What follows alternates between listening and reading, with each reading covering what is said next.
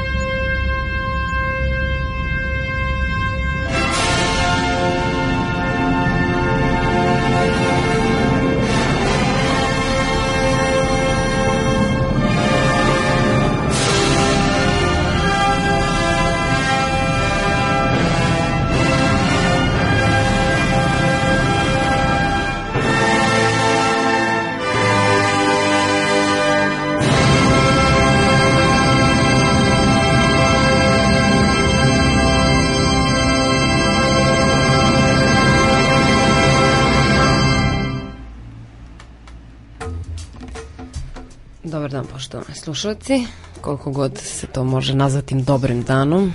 Da, da, dobar ali, dan. Onda nadamo se da će neki drugi dan biti bolji. Jeste. A danas 37. po da. redu emisija Radio Galaksije. 37. od kad postoji novi Radio Beograd, to je prilično već jedan ovako dobar broj Jeste. emisija u kojima smo imali priliku da čujemo različite e, e, ja bih rekla neviđene informacije iz oblasti nauke a boga mi i književnosti, a i šire možda. I po nešto još. Unaokolo. Unaokolo.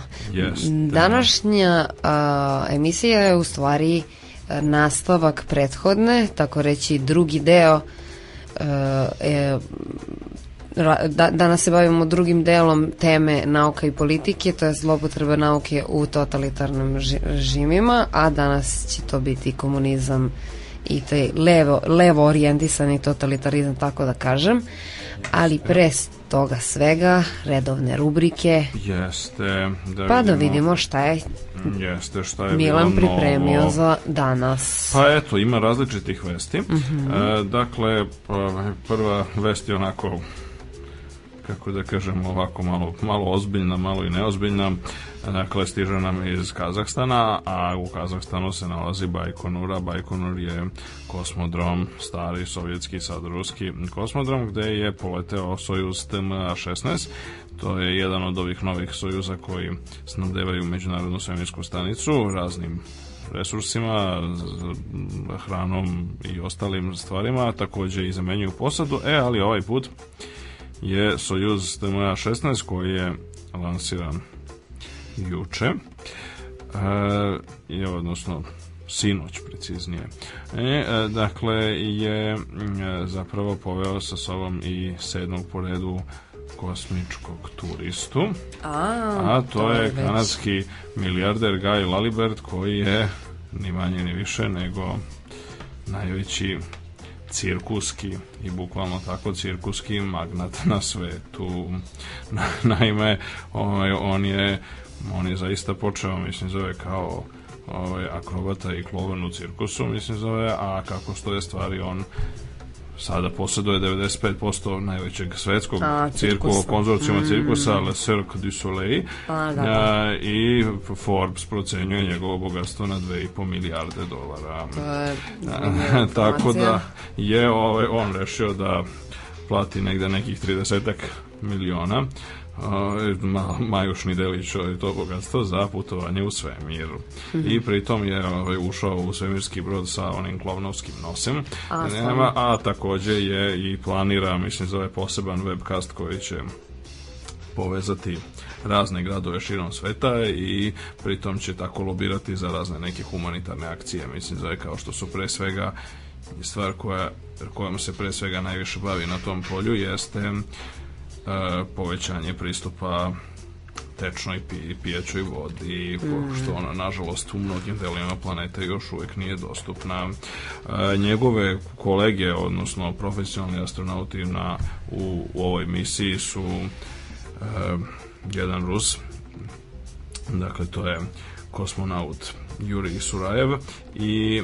jedan Amerikanac, to je astronaut Jeffrey Williams, koji će se pridružiti posadi Međunarodne svemirske stanice kada se dakle Sojuz spoji što se planira za 2. oktobar, to jest za par dana sa Međunarodnom svemirskom stanicom i oni će tamo biti jednom desetak dana, nakon čega će se 11. oktobra je predviđen povratak na zemlju.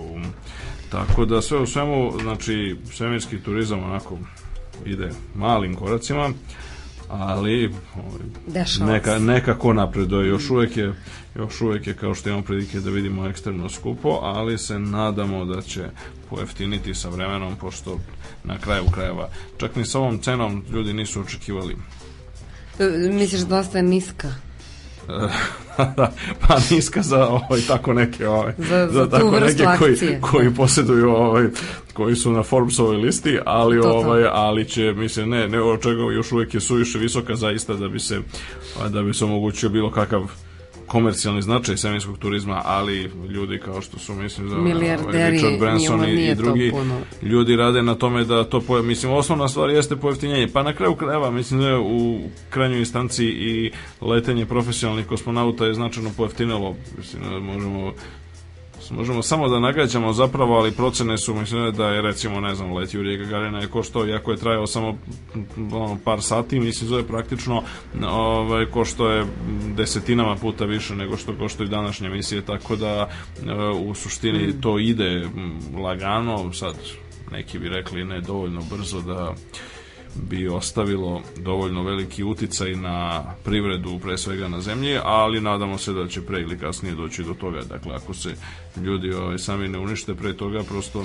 neminovno je, mislim da zapravo uh, eh, serijska putovanja to pojeftine dovoljno da svako može to se ja priušti. Sjetimo se na kraju krajeva da su i putovanja avionom bila vazduhom uopšte, mislim, za prvo dirižablima, a zatim i avionima bila daleko, daleko skuplja nego što, jasno, nego što bi bilo ko, ovaj, bilo ko danas može da poveruje prosto.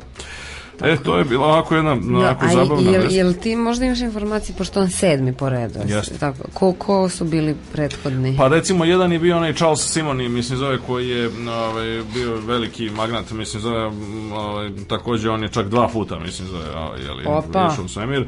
A, drugi je bio onaj Denis Tito, ovaj, isto veliki biznismen a, i on, e, još pomenimo Richarda, da, pomenuli smo u jednoj prethodnih Radio Galaxy, pomenuli smo Richarda Geriota, čovjeka koji je sveštenik e, i a, e, veliki mag kompjuterskih igara, odnosno jedan od najvećih programera kompjuterskih igara svih vremena, otac čuvene Ultima serije, to je verovatno najdugotrajnija, a neki kažu i najbolja serija ovih kompjuterskih, ovih role-playing A koje crkve je on igrica. sveštenik? Uh, nisam sad siguran. Neke je... anglikanske, mislim da je anglikanske ili mislim da je ovaj, u svakom čaju neke protestantske, da. Ovaj, zato što on je britanac inače, a, tako da je, tako, tako da mislim recimo on je bio jedan od, mislim da tu, tako da nema ih mnogo, mislim da, ali, ali polako idemo, idemo u tom pravcu. Uh, Ono što mm, je, naravno, vidjet ćemo, mislim, izveštavat ćemo o daljim sličnim, u, u narednim radiogalaksijama, o sličnim poduhvatima mm -hmm. i, o, ovaj, i o tome šta se dešava u, okolini, u okolini naše planete. To, to. O, ovaj, e sad, druga i neprijatna vest nam stiže iz Oksforda e, gde se održala konferencija o promeni klime i kako sad stvari stoje stvari nisu baš, nisu baš dobre. E, dakle, je glavno saopštenje koje je izdato juče, mislim, dakle utorak 29. septembra sa ove konferencije jeste da a, bez obzira na ultimativno ultimativan ishod borbe sa globalnim zagrevanjem gotovo je nemoguće, mislim, zove stručnjaci su saglasili da je praktično nemoguće izbeći porast nivoa mora i to mm -hmm. porast nivoa mora za verovatno mislim zove 2 metra U. sve ukupno. Uh, Šta će prosto to ovaj, najkonzervativnije procene mislim zove na koje ukazuje Znači, Stefan Ramsdorf iz Nemačkog instituta u Pozdamu Potsdamu, e, jedan od najvećih eksperata, ako ne i najveći na svetu za, za, za pitanje nivoa mora, oscilacija nivoa mora, a, e, on je rekao da je praktično nemoguće E, izbeći da do kraja ovog veka nivo mora poraste za 1 metar, a da je taj trend, odnosno inercija klime je toliko velika da zapravo čak i kada prestane samo globalno zagrevanje, nastavit će se podizanje nivoa mora još neko vreme. Mm -hmm. I a, kao posljedica toga ne, dakle, e, može se desiti da naj, neke naj dramatičnije prognoze ukazuju, mislim zove da bi u naredna tri veka, mislim zove, dakle, nivo mora mogao porasti preko 5 neki kažu i do 10 metara što e, bi imalo potpuno katastrofalne posljedice na jeli, priobalno na područja širom sveta. Mm -hmm. Dakle, ove, ko se nalazi na moru u blizini morske obale, većina, ogromna većina gradova koji se nalaze na, na obalama su dakle unutar metar, dva ne, ne, ovaj, od nivoa mora, tako da ona slika koju smo imali prilike da vidimo recimo, recimo, recimo u filmu Stevena Spielberga AI, odnosno veštačka inteligencija o tome kako ono, e, Manhattan potopljeno tlo, a samo zgrade vire iz, iz okeana, jeli, koje, koje su iznad toga može da nažalost da postane, da postane stvarnost.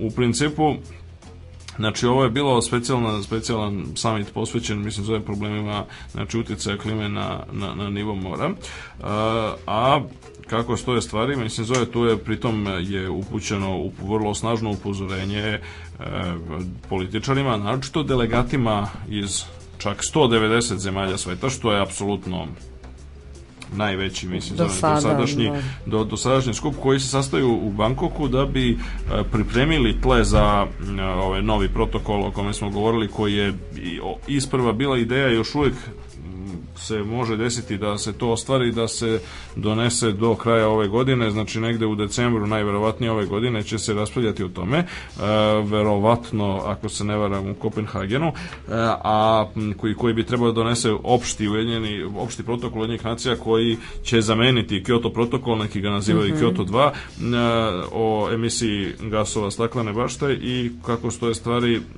nadaju se je li organizatori pre svega ujedinjene nacije, ne nedavno i generalni sekretar gospodin Ban Ki-moon govorio eksplicitno o tome da će mm, se ovaj put postići daleko jači konsenzus nego što je bio povodom Kyoto protokola, koga su nažalost mislim zove mnogi odbili da potpišu, između ostalog dva najveća emitera na svetu, znači Kina i Sjedinje države su odbili da potpišu to, a neki drugi su potpisali pa su onda se bavili raznim vrstama trgovine i razne, raznim vrstama raznim, raznim vrstama relativno sumnjivih aktivnosti da bi se prikrilo, mislim, zove emisija staklene bašte, e, kao što su recimo ovaj, neki od ovih dinamičnih ekonomija ovaj, u razvoju poput Brazila. Aha. Tako da je sve u svemu mm, Kyoto protokol se nije pokazao pretjerano uspešnim do danas. Do duše, postavlja se pitanje mislim koji bi kriterijum bio zadovoljavajući da se demonstrira njegova uspešnost pošto te stvari ne mogu da se vide na, na kratak rok jednostavno nikako.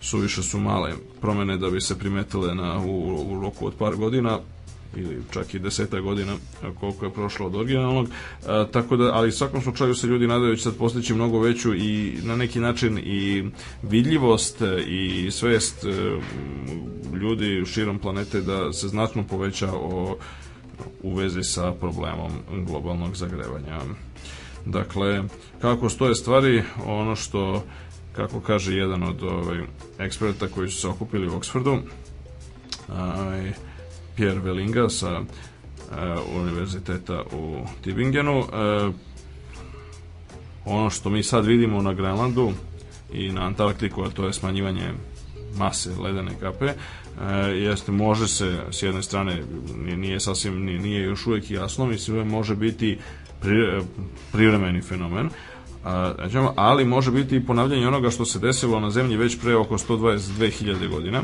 Pre oko 122.000 godina takozvani mlađi Drijas, e, periodu toko koga je došlo do naglog zagrevanja, zagrevanja zemlje i do podizanja mora mi sve koje je bilo recimo čak i do 10 metara. E sad u to vreme ljudi mislim zove su postojali, ali su živeli dakle u nomadskim i skupljačkim zajednicama koje nisu zavisile baš preterano od nivoa mora. Dakle, niko nije bio tu, mislim da, da bi osetio veliku kataklizmu, a populacija ljudska i tako tako bila ekstremno mala. I uglavnom skoncentrisana u unutrašnjosti ovaj, kontinenta, pre svega afričkog a tako da tadašnje podizanje nivoa mora i dramatična promjena klime se nije toliko, mislim zove, nije se jednostavno manifestovala. I mi vidimo jasne dokaze o tome u takozvanim ledenim jezgrima izvučenim iz dubine grenlandskog ledenog pokrivača mm -hmm. i sa Antarktika i drugde. E sad, danas ta, takav efekat sličan onome koji se desio pre 122.000 godina, znači, e, znači porast mora, visina mora za 10 metara bi potpuno katastrofalan. I hm. ono što, ono što je, se nadam ćemo, hajde da kažemo da će se to izbeći. E sad, nije samo podizanje nivoa mora, ishodno tome uništavanje, znači habitata i, i ono, industrije i ostalih dostignuća civilizacije koje se nalaze blizu mora, ono što je opasnost takođe e, taj proces će biti praćen mislim zove destabilizacijom klime u blizini obala, znači povećanom E, frekvencijom stvari kao što su tropski cikloni, uragani, oluje velikih razmera mm -hmm. i mhm. slično. Te stvari su je jako teško predvideti, a sa druge strane, kao što znamo, one nanose ogromnu materijalnu štetu, a boga mi i ljudske žrtve. Jeli? Tako da se je problem u tome što Dakle, kada su pitali, e, konačno, mislim, zove, e, ovaj, govornike na ovoj konferenciji u Oxfordu, mislim da procene kolika će šteta nastupiti kao posljedica podizanja nivoa mora. Znači, oni su procenili da će već do 2020. godine, znači u narednih deseta godina, čak i od ekstremno malog povećanja nivoa mora, mislim zove, da. do tada, mislim zove, reda veličine desetina santimetra, mislim zove ono, pola metra, e, će šteta biti preko 50 milijardi evra a do 2100. godine mislim zove ona može narasti i do do negde reda veličine, mislim, zove pola pola biliona evra ili više. No, pa dobro, da, mislim to, to, to, to je neka materijalna naravno, šteta koja je i pitanje je kako je ta procena izvedena. Mislim, naravno, verovatno to je, to je jako, jako teško. komplikovano e, proces eh, ko, koji će uslediti tim dizanje nivoa mora je verovatno previše složen da bi se apsolutno. Prati, Ali ono što je jasno, mislim, zove jeste da, dakle, ima... Um, dakle, reda veličine, mislim, zove jedan, uh, reda, reda veličine 5%, 5% recimo globalnog, uh, globalnog bogatstva se nalazi ovaj, u u tom zoni mhm. koja je neposredno ugrožena i naravno to su pitanju su mnogi ljudi koji žive posebno mesle, u dakle u zemljama kao što koje gde ima mnogo tih ovaj ravni koje je lako poplaviti kao što je Bangladeš, kao što je Indonezija, kao što su mhm. brojne, brojne druge ostavske zemlje, mislim zove jako veliki broj ljudi će biti ugrožen. Naravno, bit će promjena koje su vezane za druge stvari, recimo za kretanje morskih struja, mislim se zove onda za, za habitate morskih organizama od kojih opet mnogi zavise kroz lanac ishrane, mislim, pa i ljudi. Mm Primjer, već i sad ima velikih problema, mislim, sad recimo, recimo ribolov na dalekom istoku duž obale, istočne obale Azije je značajno poremećen, mislim, i, i a, mnogi eksperti kažu da je prinos, a, e, znači ulov ribe sve manji i manji, mislim, zove duž azijske obale, recimo, gdje je tradicionalno ogroman broj stanovništva zavisi od zavisi od ribolova, posebno u Japanu, mislim, zove, u, ovaj, u, u Koreji, na, u, na istočno na obali Kine. Dakle, sve u svemu to je prilično, prilično uznemirujuće i još jednom e, nam ostaje dakle, da na, pratimo i dalje i da, da naglas, da naglasimo značaj svesti to, to svakako. o da problemima. Da osvestimo problem. A da, ovaj, dakle, samo ponovim još jednom, to je pre, predviđanje, mislim, E, koji je vremenski period u pitanju? Mm, pa ovde je, mislim, ovde je, kako sad stvari stoje, dakle, e, dakle podizanje... E, dakle, pod, kako stoje stvari, znači, do kraja veka, mislim, u kome, u kome živimo, znači, podizanje nivoa mora za, dakle, verovatno 2 metra, a može se desiti, mislim, zove i više po nekim jako pesimističkim promenama i do 7 metara, mm -hmm. znači do negde 2100. godine. Aha. U narednih 300 godina se može očeki, mogu očekivati i, ve, i veće promene. Tako da to. ono, ono, što, ono što ostaje jeste da se Znači, pre svega ovaj, borimo protiv klimatskih promena a druga stvar takođe i da se jeli, ljudi u krajnjoj instanci pripremaju na na, na mogućnosti da do toga dođe mm. da ne bude sve ono, kao što se često dešava samo reakcija na nešto što, što se već desilo nego da se, da se razmotri malo i da se razmišlja o tome unapred mm -hmm. e, e, u svetu biologije ima još ima jedna zanimljiva vest koja nam stiže iz Hong Konga zapravo iz Hong Konga, a i takođe iz jeli, kontinentalne Narodne republike Kine. Stiže interesantan, naučnici su objavili rad u Nature-u u ponedljak, to jest prekjuče, koji su našli e, jako dobro očuvani fosil, mislim, nečega što se zove Anhiornis, Anhiornis Huxley, što, što je, je to? interesantan ovaj, dinosaurus, nalik na mm. znači, e, kako bi rekli bird-like, odnosno nalik na pticu mm -hmm. koji je živeo pre 160 miliona godina u onome što danas sačinjava kinesku severoistočnu provinciju Liaoning i kako stoje stvari, to je bio mali, mali, mali, mali dinosaurus, znači nekih 50 cm otprilike, Lobanja, mislim, zove mu je, bilo, je, mu je dugačko oko 6 cm i ne, on je imao ne dva, odnosno par, nego četiri, odnosno dva para krila i to je bio Aha, mnogo to interesantan dinosaurus koji je predstavlja jednu od brojnih znači varijacija na tu temu, odnosno pokazuje kako je došlo do evolucije ptica od gmizavaca nasuprot raznim tezama e, kreacionista i zagovornika raznih a, bizarnih ideologija kao što je inteligentni dizajn, koji su stalno tvrde da eto tako mi se nije moglo doći do tih velikih prelaza između velikih grupa organizama kroz evoluciju i prirodnu selekciju. Problem jeste u tome što su je bilo jako malo tih uh, karika koje nedostaju, odnosno prelaznih formi, ali one se postepeno otkrivaju. Evo, ovo otkriće koje je izvršeno u Kini je jedno od onih koje apsolutno pokazuje E, da koliko je generalna ideja o poreklu savremenih tih velikih grupa, odnosno taksona, kao što su recimo ptice, e,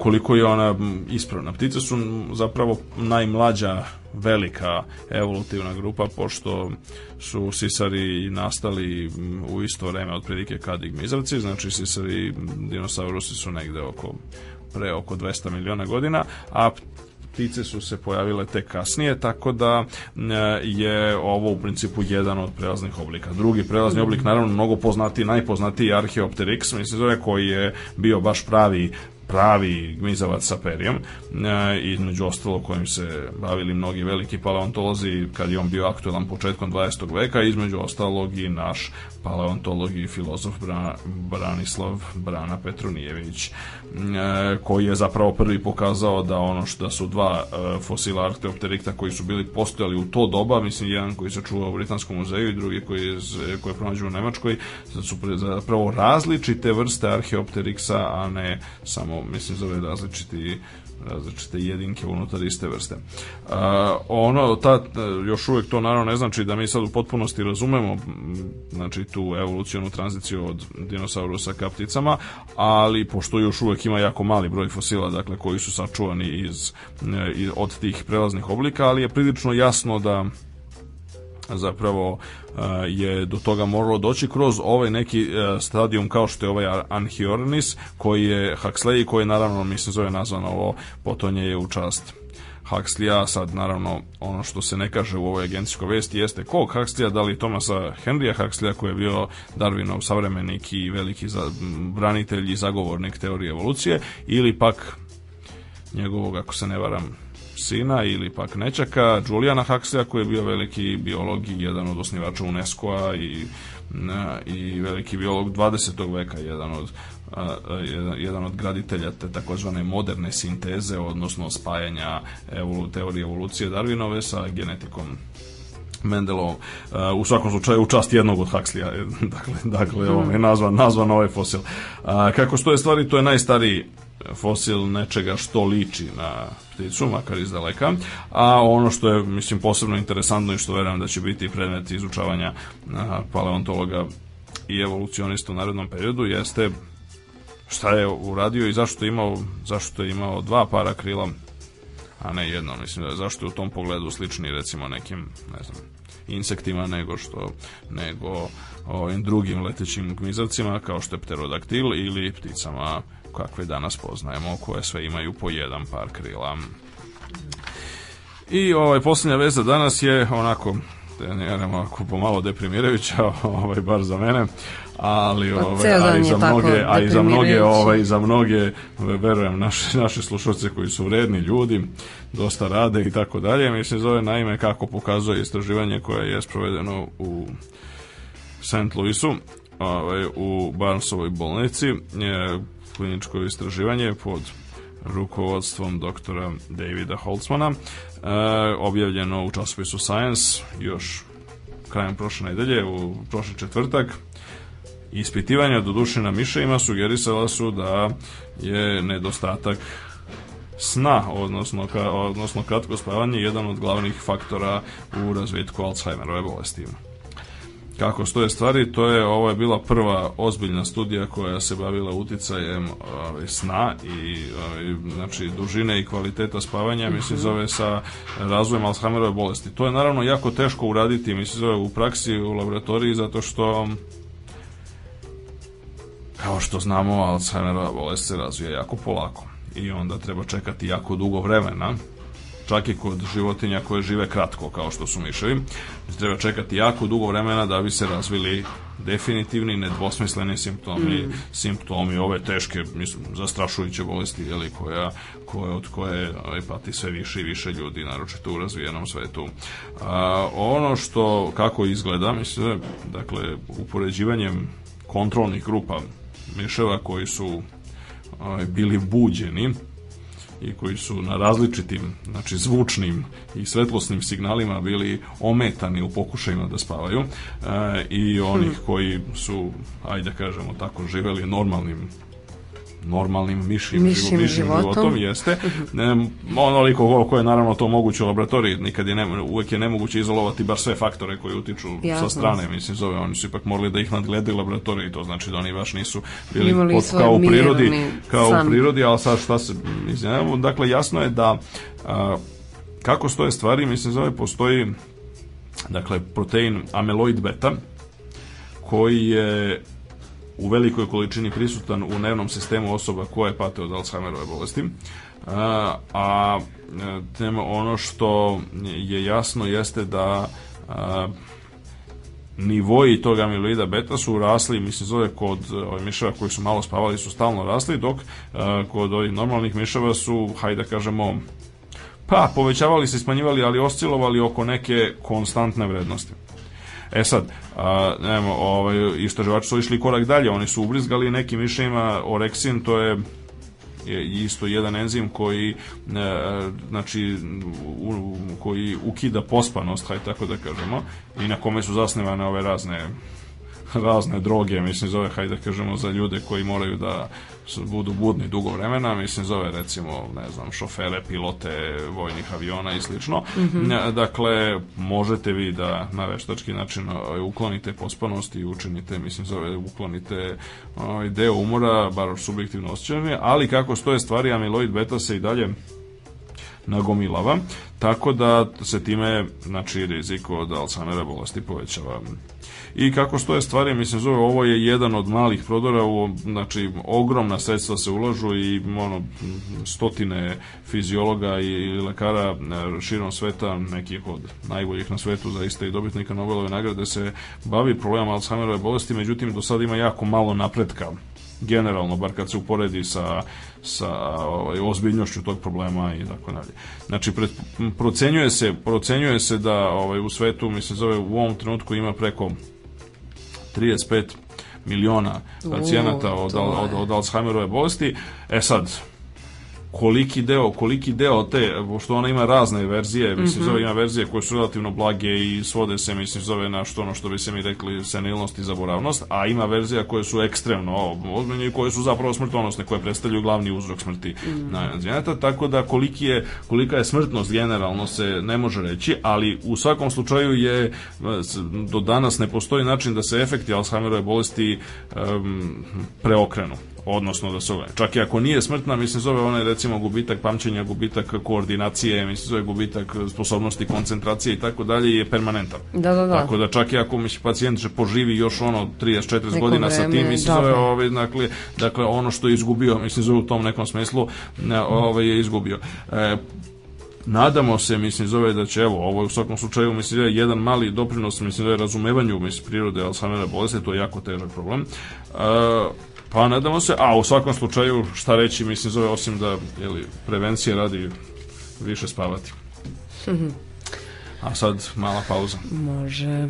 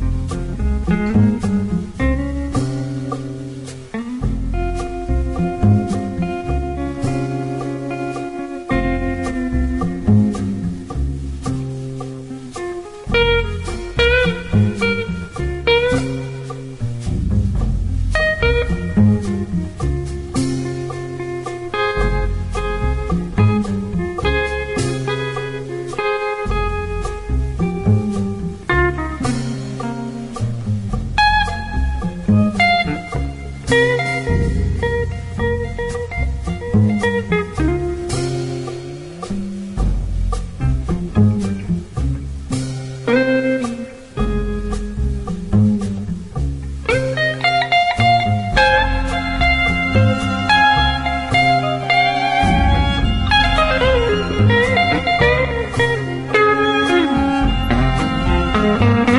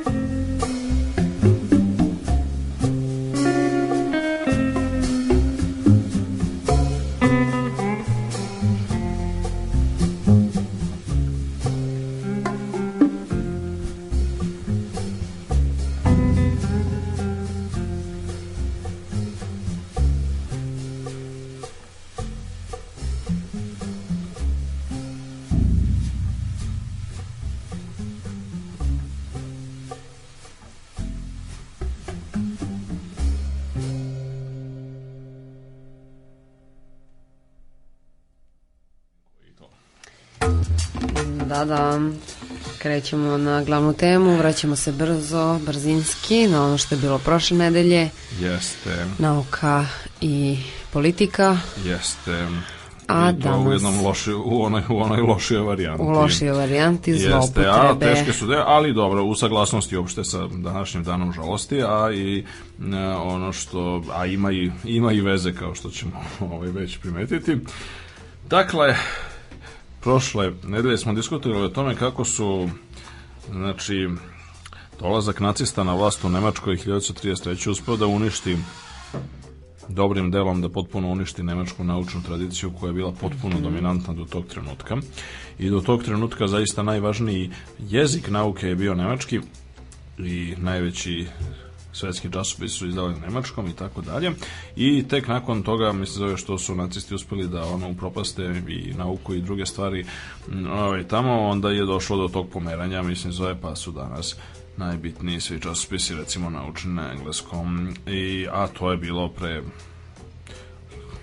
75 ili 100 godina, mislim, zove gotovo nezamislivo. Mm. mm. E, u tom smislu reči nešto slično tome se desilo, mada drugačije po prirodi se desilo u Sovjetskom savezu, a dok je u Nemačkoj e, uloga ideologije same, znači u, u represiji nad, nad naukom bila relativno mala. E, ona se ograničavala uglavnom na društvene nauke i na neke stvari koje su eto, bile idiosinkratski drage vođama nacističkog režima, kao što recimo Eugenika, koja je posebno bila mm. draga, jeli, vođi SS-a Heinrichu Himmleru, pa je zbog toga, mislim, zove to bilo. Znači, nije bilo, većina naučnika je proganjana bilo zbog toga što su e, bili jevrejskog porekla, bilo su imali prijatelje i saradnike jevreje, bilo zbog toga što su istupali jednostavno sa pacifističkih ili kosmopolitskih pozicija koje su bile neprihvatljive.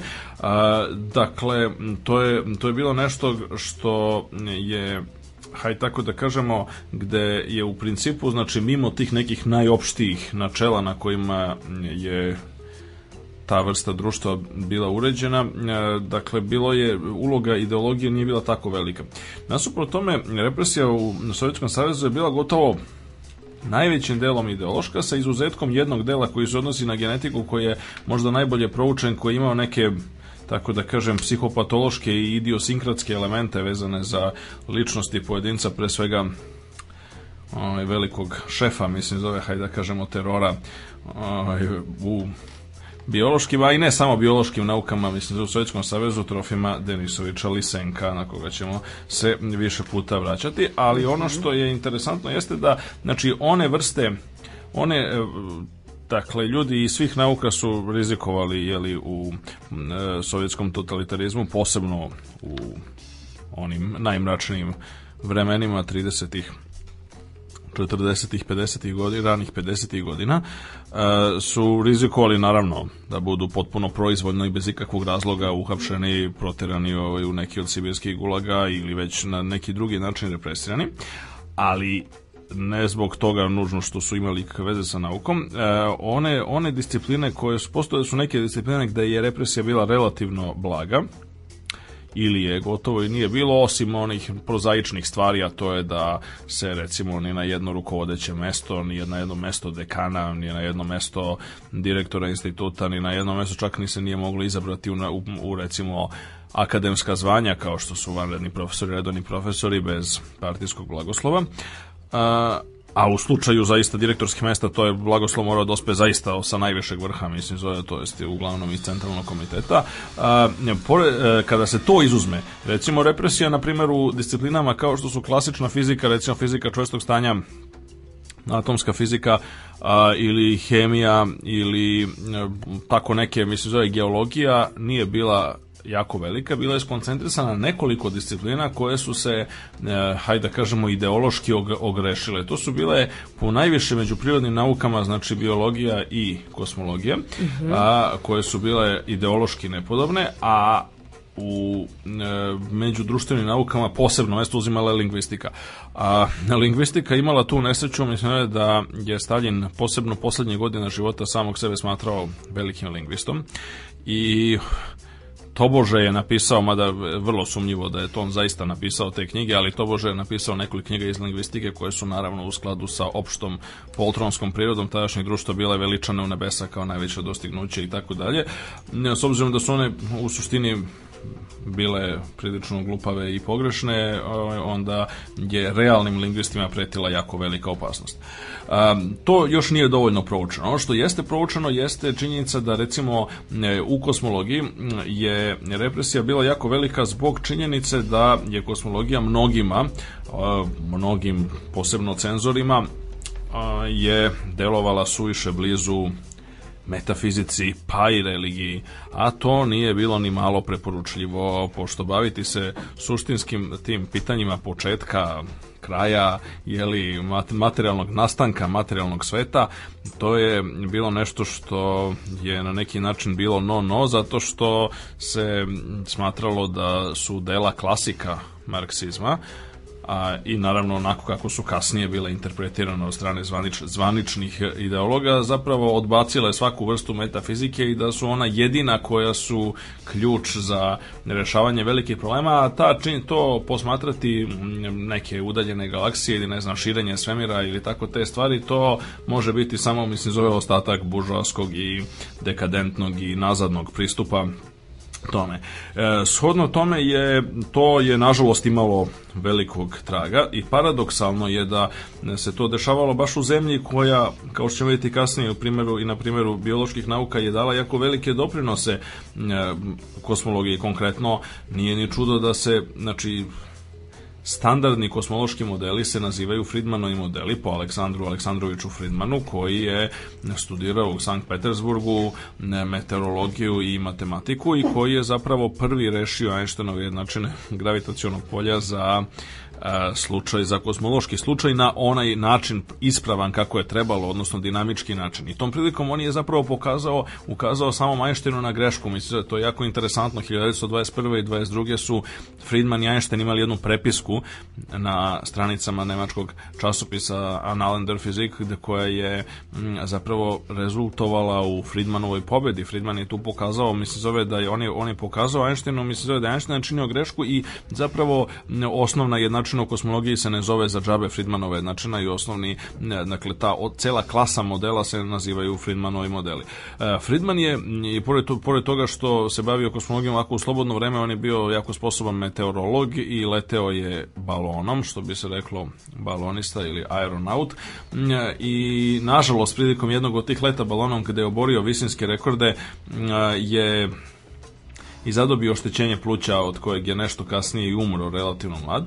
On je imao e, doduše neke naslednike, ali ta škola se vrlo brzo ugasila. Njegov najistaknutiji naslednik, Matvej Bronštajn je nažalost mislim iz 1936. godine bio uhapšen i nešto kasnije streljan kao to, tobože strani špijuna. a, ovaj, a on je bio jedan od prvih Bronštajn je bio jedan od prvih ljudi koji je razumeo značaj problema strele vremena i njegova, njegovo ubistvo u još jako mladim godinama je bilo velika tragedija za kosmologiju mislim, u Rusiji, odnosno u Sovjetskom savezu. A, kasnije je praktično sve negde do otopljavanja, sve do ono negde pozne Hruščovljeve vladavine, negde počet do, do da kažemo sredine, znači druge, negde 63. 64. mislim zove tamo negde do, do prepada Hruščova je a, zapravo se u kosmologiji praktično nije smelo govoriti, mislim zove ozbiljno. Mm. A, I mada su postoje, mada, mada se bilo nekoliko astronomskih kongresa u Sovjetskom savezu gdje su se postojale sekcije za kosmologiju, ali to jednostavno nije bilo nije, mislim, nije shvatano ozbiljno i u suštini mislim zove jednostavno nije bilo nikakvog ozbiljnog doprinosa sovjetskih naučnika sve do pojave potpuno nove, kažem, generacije 60. godina sa Zeldovićem, Kardaševom, Igorom Novikovim i još, ne, još nekolicinom ljudi. A, kao posledica toga, mislim, zove kosmologija je bitno zaostala, mislim, zove u Sovjetskom savezu zonom u zapadnim zemljama, nije se proučavala ni u drugim zemljama takozvane narodne demokratije ili realnog socijalizma i između ostalog pa, ja bih se usudio da e, e mo, iznesem ličnu spekulaciju da to je od razloga zašto niko od nas, odnosno u bivšoj Jugoslaviji, mislim zove, odnosno u Srbiji, mislim zove, nije bilo neke ozbiljnije kosmološke tradicije, bar ne, do, do najskorijih vremena. Um, ono, što, ono što je takođe bilo činjenica jeste da znači, kada su naučne institucije su bile podložne onim pratećim pojavama svakog totalitarizma, mm -hmm. a u Sovjetskom savezu posebno u vreme tih velikih čistki, mislim zove 30-ih i 40-ih godina, je to imalo je pojave, pojave kao što su psikofanstvo, dostavljanje e, policiji saradnika radi sitnih beneficija, radi preuzimanja njegove katedre, mislim zove i njegovog mesta, dobile fantastične razmere. Kao posledica toga dešavalo se da su čitavi instituti, mislim, potpuno opustili. E, recimo, čuvena Pulkovska observatorija, koja je jedna od najstarijih observatorija u, u, u Evropi, e, koja je osnovana tamo negde još u vreme carice Katarine Velike je, je bila gotovo u jednom periodu krajem 30. godina ostala je u potpunosti napuštena, pošto su praktično svi, mislim zove ljudi, znači svi istraživači, mislim zove i što je najbizarnije od svega, čak i ceo staf, mislim zove računajući čistačice, baštovane, noćne čuvare, mislim zove i slične, mislim zove bili, mislim zove što u zatvorima, što u sibirskim logorima, što likvidirani.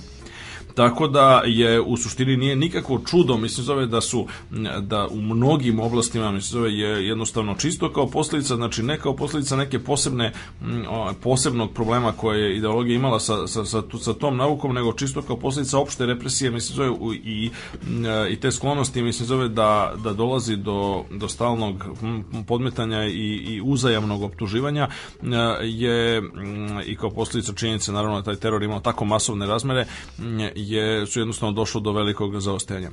A, ono što je mi ja čitam niz bizarnih primjera, mi se zove recimo e, Nikolajev, jedan od ono istaknutih e, ruskih astronoma, mi se čovjek koji je dao ogroman doprinos recimo razumevanju nastanka reljefa na mesecu i na drugim planetama i e, sunčevog sistema je čovjek je najprije, mislim, zove bio Ovaj, e, čovjek je najprije bio uhapšen i osuđen na nekih 7 godina ovaj, izgnanstva u Sibiru, a potom je tamo u logoru, mislim, zove napravio grešku, mislim, zove pa je tvrdio, e, tvrdio da je Engelsovo objašnjenje drugog zakona termodinamike glupost, što je u suštini bio potpuno upravo, mislim zove, ali nažalost, mislim zove, to je rekao tamo gde nije trebalo, jer čak i u koncentracijnim logorima se pazilo dobro, mislim da se održava disciplina, to je bila jedna od razlika, mislim zove, između komunističkih i nacističkih logora, pošto u nacističkom logoru kad biste jednom dospeli u logor, tad, mislim, mogli ste da imate sreće, mogli ste da nemate sreće, ali u suštini nije bitno, mislim zove, šta ste govorili, pričali ili mislili o Fireru, domovini i tako dalje. Dotle sa druge strane u sovjetskim logorima je bilo neophodno pratiti i dalje se držati bezbednosti, discipline i poštovanja klasika marksizma, tako da kad je Nikolajev rekao to o Engelsu, onda je bio na licu mesta osuđen na smrt, a stucem, sticajem okolnosti, odnosno intervencijom nekih njegovih ovaj, uglednijih kolega iz Moskve, ta je presuda, ono, smrtna kazna je, je preinačena, ali je zato dobio još 15 godina, mislim, zovete je nakon nekih nekih recimo deseta godina kada je e, Hruščov došao na vlast ovaj, konačno izašao iz, iz logora i uzre budi rečeno ovaj, tokom tog perioda u logoru je uspeo da reši jedan jako bitan problem vezan za nastajanje kratera na mesecu koji je posle uspeo da objavi.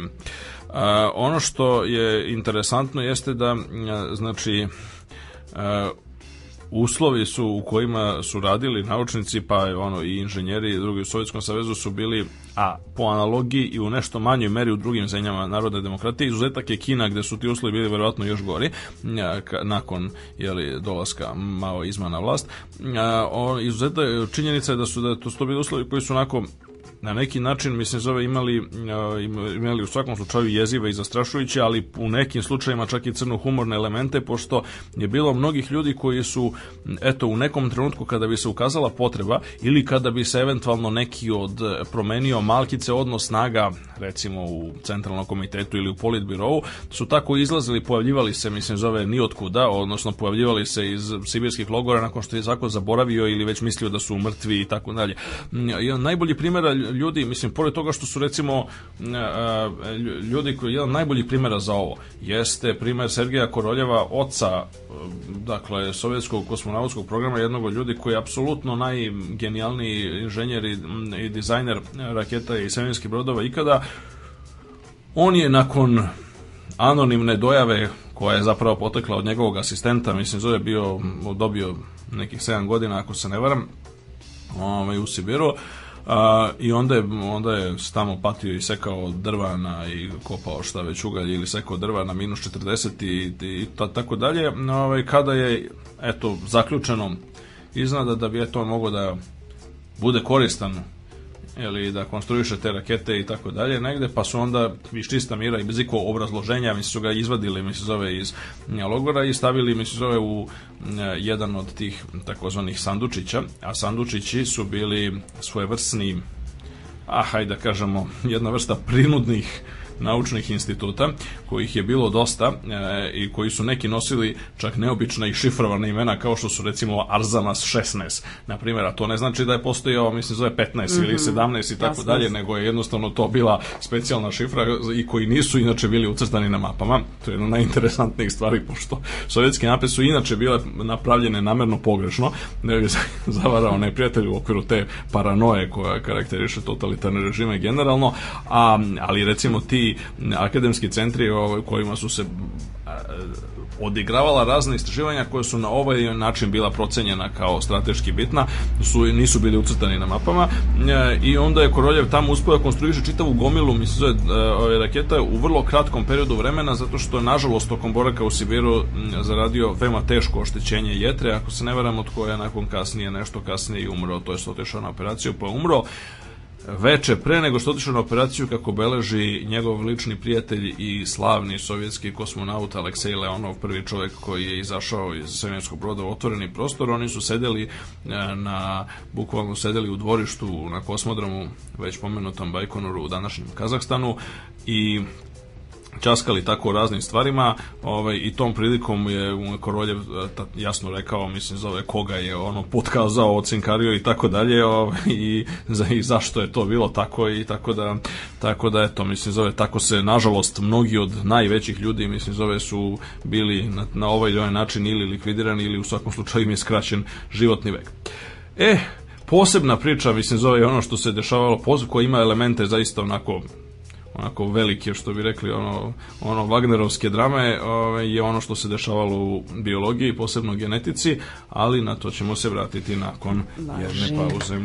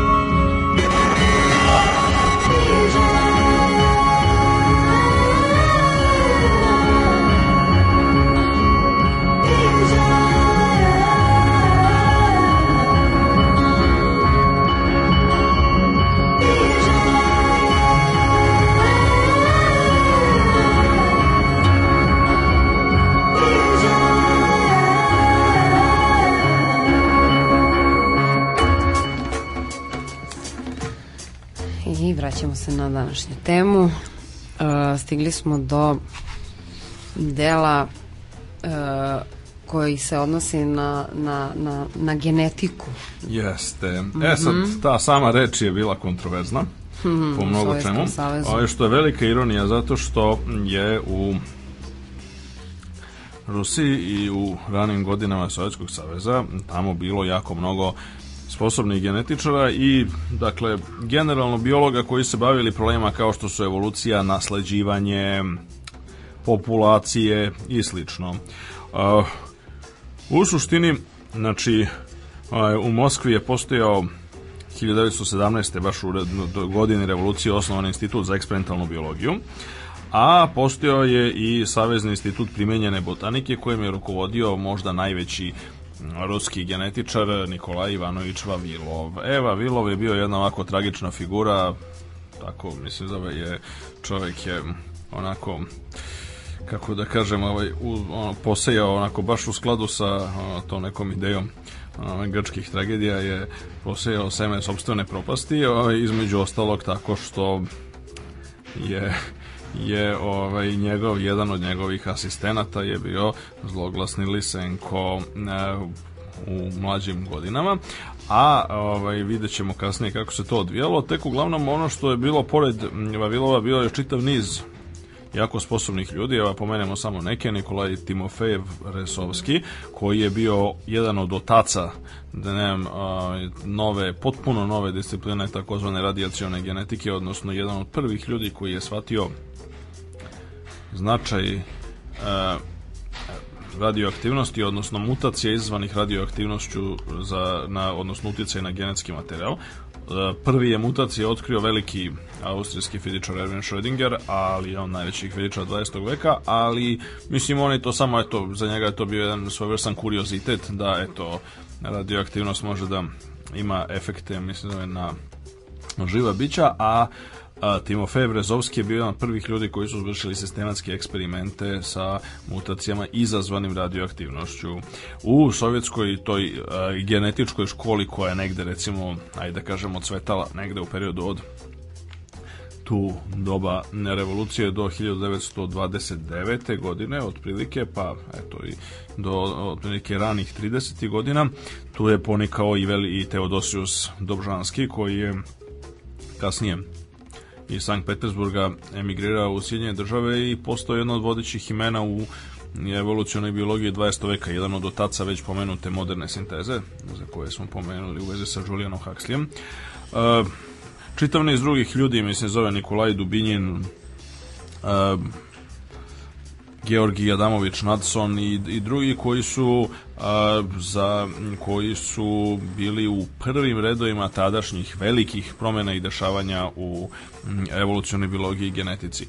Vavilov je bio toliko značajan da je on ovaj, bio na čitavog tokom niza godina postojao je najistaknutiji časopis svetski pod nazivom Heredity, odnosno nasleđivanje, a, na, koje, na čijem su koricama se nalazile najznačajnija imena u istoriji biologije, odnosno znači tog, posebno tog pitanja nasleđivanja i tu se nalazio Vilov zajedno sa Darwinom, Mendelom, Morganom, De Frizom i još nekolicinom znači ekstremno odabrano društvo, aj tako da kažemo. Eh, osnovno polje eh, rada Vavilova bila je mm, genetika i selekcija takozvanih kulturnih biljaka, je li ovih kultura poljoprivrednih i sličnih. Mm, I to je imao je najveći najveću svetsku kolekciju uzoraka kulturnih biljaka i njihovih divljih srodnika. I tu je postigao sjajne rezultate. Ovaj, I u tim periodima prvim, znači 20. godina, uprko s malim materijalnim sredstvima, oni su ostvarivali sjajne kontakte sa znači kolegama u svetu, mislim mnogi su boravili u tadašnjem Sovjetskom savezu od velikih genetičara širom sveta, Bateson, Goldschmidt, Haldane i tako dalje. Tako da to na prvi pogled ništa nije nagoveštavalo, mislim zove da će ovaj vrlo brzo u deceniji koja dolazi doći mislim zove do takvog sloma E, na području sovjetske genetike, a kasnije mislim zove naravno i molekularne biologije kad je ona nastala u svetu, tako da će e, biološke nauke generalno zaostajati i dan danas osjećaju posljedice mislim zove zaostajanja on, onoga i dan danas u onoj decenijama dec, bar deceniju ono iza zapada zato što ne, bukvalno zbog toga onoga što se desilo tokom pre svega 30. godina. Uh, e, glavno u centru pažnje, mislim, zove cele te drame je veoma mračan tip, Trofim Demisović Lisenko, Rodio se blizu Harkova 1898. Završio školu za baštovane. Ne, ne, ne, ovaj, radio je u selekcionim tim agronomskim stanicama u Ukrajini i Azerbejdžanu. Vanredno završio poljoprivredni fakultet u Kijevu 1925. I onako savremenici ga opisuju kao čovjeka koji je bio dosta vredan, ne lišan sposobnosti, ali Eh, ekstremno samoljubiv, egocentričan, eh, nedovoljno obrazovan i ek, ispunjen ekstremnim dakle ekstremnim ideološkim fanatizmom. Eh, dakle, čovjek je bio u pravom smislu reči ono fundamentalista čemu god se dočepao. I ono što je interesantno jeste da mm, dakle niko ne spori mislim zove jednu vrstu ajde da kažemo, mislim, zove harizmatskog ono vođstva koje je Lisenko e, manifestovao, koje mu je omogućilo između ostalog da se na neki način podmuklo infiltrira u krugove, mislim, zove ozbiljnih naučnika, kao što je bio Vavilov, koji ga je, bog zna kako, mislim, zove zavolao, cenio, postavio za asistenta m, sugerije, predložio ga u članstvo Poljoprivredne akademije koja je bila jako bitna organizacija mislim, u, u okviru cele ono, strukture i organizacije e, nauke u to doba i on je, e, on je počeo negde recimo od 1934. godine da e, se vrlo aktivno objavljuje u znači časopisima koji su se ticali pre svega agronomije, ali takođe i biologije. Uh, upoznaje se 34. godine sa uh,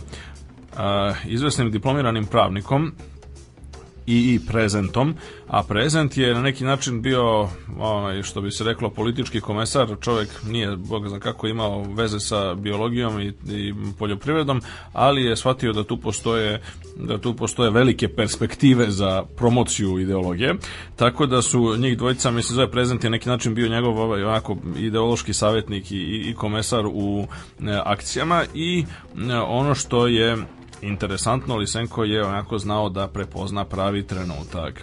Naime, u tom trenutku je stanje u poljoprivredi bilo ekstremno teško, pogotovo nakon užasnih represija, mislim zove u Ukrajini nad takozvanim kulacima, odnosno bogatijim seljacima koje su bili praćeni milionima žrtava.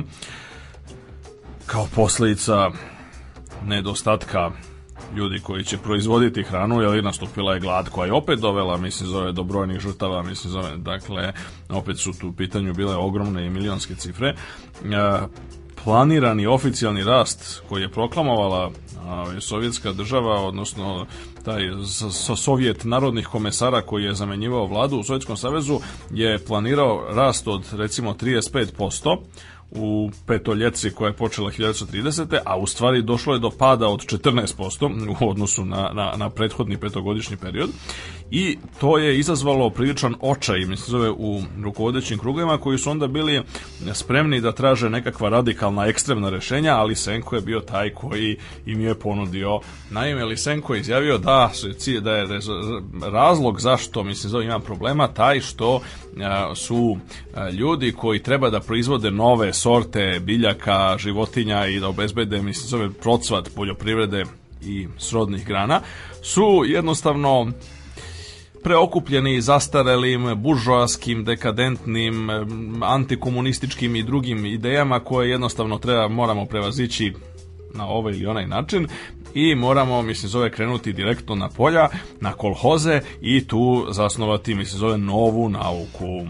I problem, e, Lisenko je bio veliki populista, on je se istakao izjavom koji je na skupu, je na jednom skupu poljoprivrednika a, u, u Moskvi 1935. Lisenko izjavio, eto kao nije tačno, mislim zove da se najznačajnija otkrića e, dešavaju po institutima i univerzitetima, nego se to uglavnom dešava na poljima, na njivama, na kolhozima i toliko je bio oduševljen time da je taj njegov govor koji je kome je prisustvovao i rukovodstvo mislim zove Sovjetskog saveza je prekinuo lično mislim zove Stalin replikom bravo druže Lisenko bravo. E sad, znači kad toga, uzem rečeno tome neodoljivo podsjeti, mislim ta vrsta pristupa me neodoljivo podsjeti, mislim zove na reči jednog ovdašnjeg političara od pre dobrih 15 godina koji je mhm. izjavio za mene je Beogradski univerzitet isto kao i poljoprivredna zadruga, pa sad no, mhm. se ko se seti, setio se. Uh, 1930, znači 35. je bio ta prekretnica. 35. je Lisenko definitivno dobio, kako bi rekli, endorsement od strane e, političke, političke vrhuške da krene, mislim zove, u obračun sa sve, svim onim što je zaključio, smatrao da je dekadentno, buržoasko, neprihvatljivo i slično. I uopšte nije on ni malo, ni malo tu oklevao. Nema, on, on je lepo na sednicama Poljoprivredne akademije čiji je bio član e, i čiji je postao član na predlog, mislim zove svog jeli mentora, mislim zove i, i učitelja Vavilova, je krenuo u napad u prvom redu na samog Vavilova, a kasnije i na sve druge, mislim zove koji su hteli da progovore G od genetike. Ali Senko je bio posebno alergičan na upotrebu, na samu upotrebu termina gen i genetika, mislim zove, i on je jednostavno naredio da, mislim zove, ih se to mora potisnuti i zabraniti, to nije uspod uradi odmah. Znači period njegovog uspona nije bio je bio njegov uspon je bio jako brz, ali nije bio njegova pobeda nad e, protivnicima nije bila potpuna sve do perioda posle Drugog svetskog rata. Zapravo na tom legendarnom avgustovskom plenumu koji se odigrao 1948. godine je e, Lisenko praktično ustoličen u ono u dakle jedno potpuno apsolutno znači da. nepogrešivo božanstvo. Uz njegovo ime je u svim knjigama novinama, časopisima stajao atribut koji se inače koristio jedino, mislim, zove samog Staljina, to je genijalni. Ja sam imao prilike da vidim srpske, znači kod naši udžbenici koji su korišćeni do 48. godine, a i nešto nakon 48. po čistoj inerciji, pošto nije bilo moguće odmah preštampati baš sve na udžbenike i tako dalje, koji su bili dakle pod sovjetskim utjecem, su apsolutno, znači, tekstovi iz biologije za srednju školu, mislim, zove su nosili na početku, mislim, zove, a i posle tamo gde se govorilo o evoluciji, nosili obavezne pohvale, mislim, zove, genijalnom lisenku. Znači, to je bio kao stajaći atribut, mislim, da, zove, da. kao ono, verna ljubav, mislim, zove, u narodnim pesmama, mislim, zove, i sve to drugo, tako je moralo da se govori genijalni lisenko. Jednostavno nije bilo alternativa. Ali to je došlo tek 48. On je 30. godina još uvek, kako bi se rekao, ispipavao teren e, i bavio se, mislim, zove, ona, spletkama protiv ovaj, svojih jeli, protivnika, pre svega Vavilova i drugih genetičara, što u čemu je nažalost, nažalost, mislim, zove relativno brzo uspeo i relativno brzo uspeo da potpuno e, dezavuiše e, sovjetsku biološku nauku u svetu. Naime, e, desio se veliki skandal kada je 1935. godine Sovjetska akademija nauka prihvatila ponudu znači Svetske asocijacije biologa da se organizuje sedmi Svetski kongres genetičara u Moskvi koji je zakazan za 37. godinu i to je bilo ogromno priznanje zapravo sovjetskim naučnicima i e, školi Vavilova. Međutim, kako se bližilo vreme kongresa, položaj genetičara postao sve teži i na kraju organizacija postala nemoguća jer su svi ovaj, o, znači članovi organizacionog komiteta bili uhapšeni. Da, da. I ono što je o, ono što da, da. je ne, ono što je bilo šokantno jeste da su znači oni su morali da prebace svetski kongres ovaj, u Edinburg, gde je održan. A, e sad a, e, ovi zapadni genetičari pre svega britanski e, su e, insistirali da se onda mislim oda na neki način podrška Vavilovu oni su njega e, oni su njega proglasili za predsjednika organizacionog komiteta kongresa u Edimburgu, koji je održan umjesto onog u Moskvi. E, međutim, sovjetske vlasti su odbile da Vavilovu izdaju do, izlaznu dozvolu. A, kongres se održao bez njegovog prisustva, a nešto kasnije, mislim, zove i on je završio u zatvoru. A, I sad tu gde je bio u zatvoru, tu su se dešavale čudne stvari. Postoje zapisnici nekoliko njegovih saslušanja u, u, u NKVD-u, u kojima je nekim prisustovao lično Lisenko, u kojima su se uzrebu rečeno vodile gotovo metafizičke, ja bih rekao, faustovske debate oko toga, mislim, zove kako se zapravo dolazi do saznanja u nauci. Zato što je, e, tu postoji jedan dijalog koji je potpuno fantastičan. Ja mislim da ni jedan onako umetnik ili dramaturg ne bi smislio tako nešto, a to je realni stenogram koji je napravio oficir NKVD-a o, o raspravi između Vavilova i Lisenka u kome Lisenko rekao ne, ne, to što i mislite da ima neki naučni metod nezavisan od partijske volje, to je potpuno pogrešno. Znači, partija određuje šta je istinito, a šta ne. Ne možete vi meni nekakav nekakav naučni metod i tako dalje. I uopšte se razvija cela ta, mislim, zove, taj konflikt je bio fascinantan.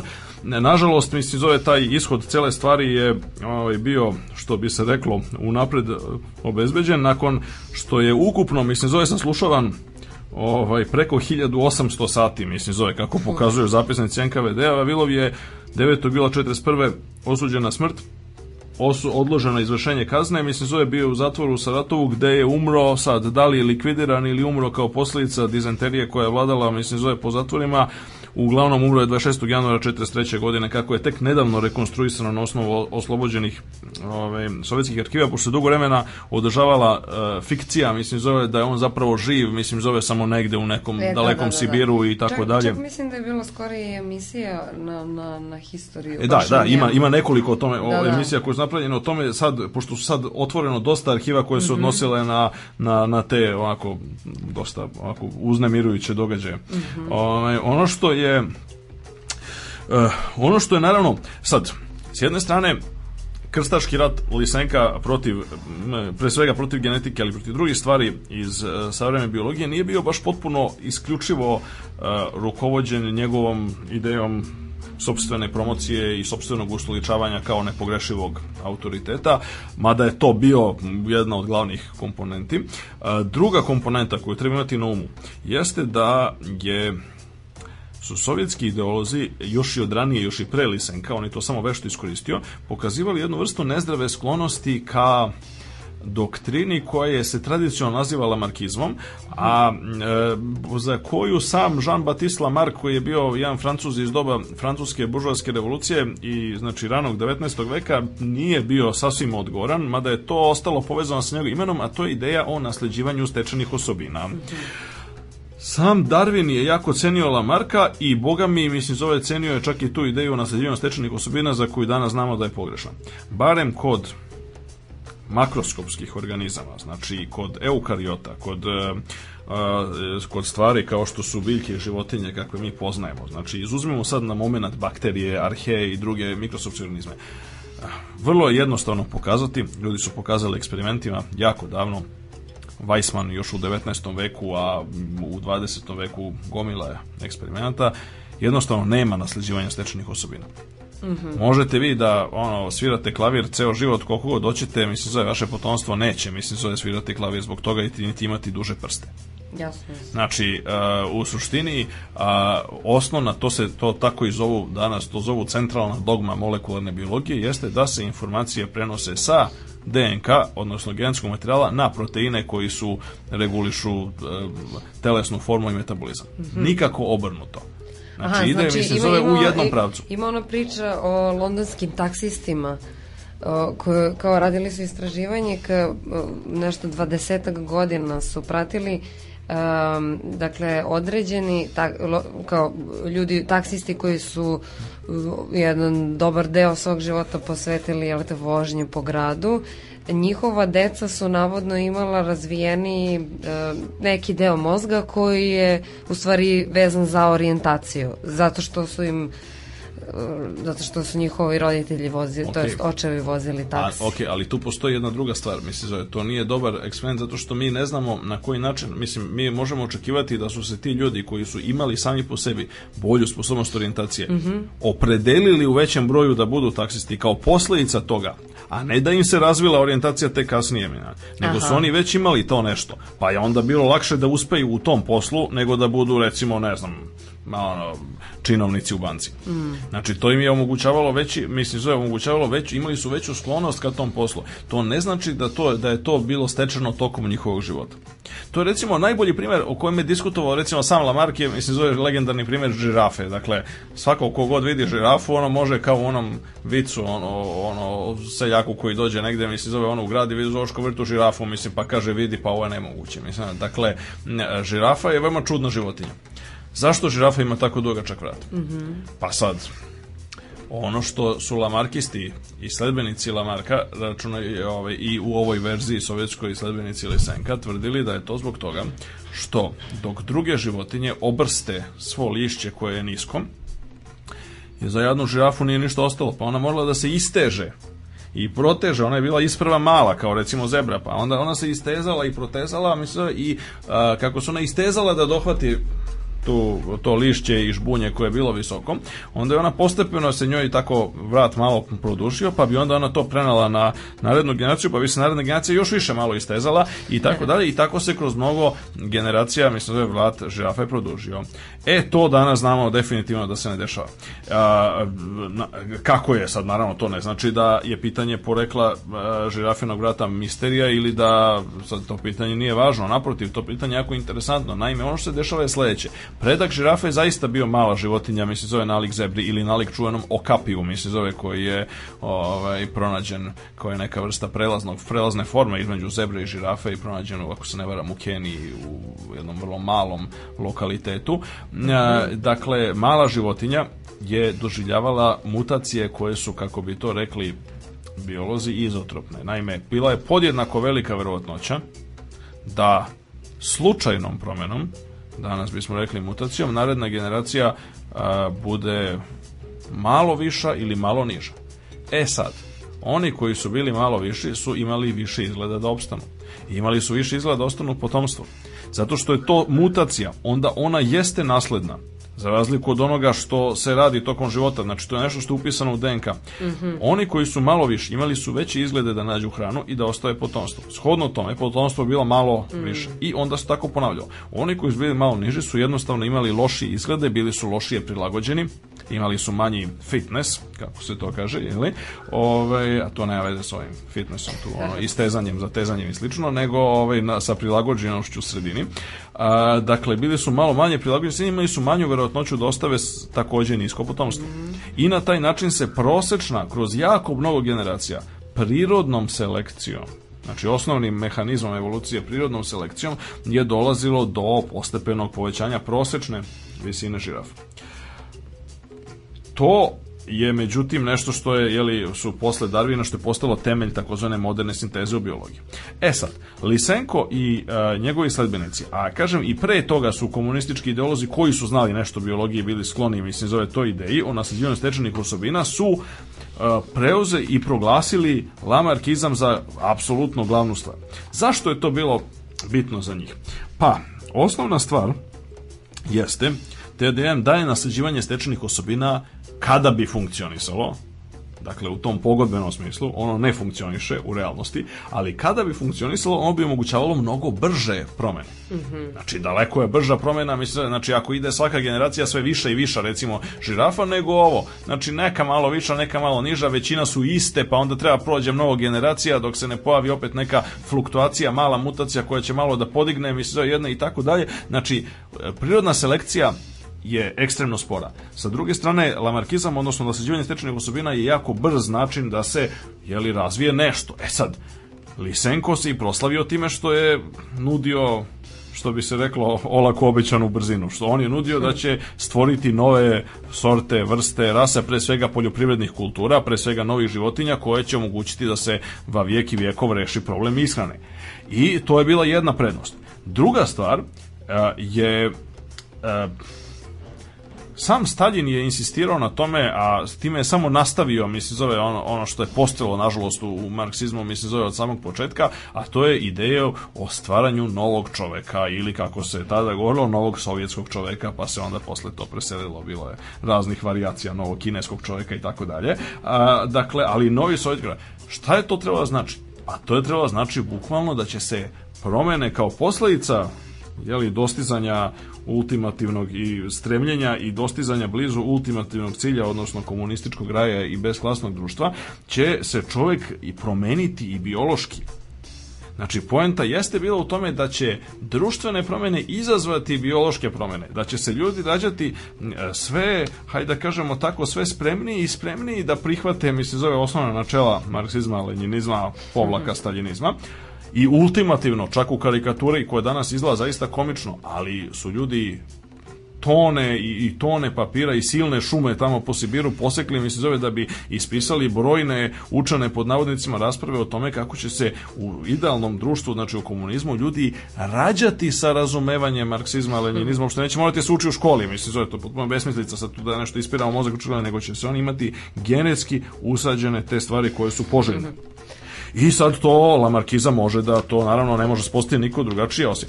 To što Lamarkizam ne radi, to je bio manje bitna stvar. Na kraju krajeva mi se zove kao što je Lisenko isticao, mi se zove znači radi ono što saopštava partija. Tako da je on jednostavno proglasio da lisenkoizam je bio znači u nekom smislu u kome se o njemu može govoriti od, kao o o, o e, doktrini sa nekim, mm. makar i jako dalekim naučnim osnovama.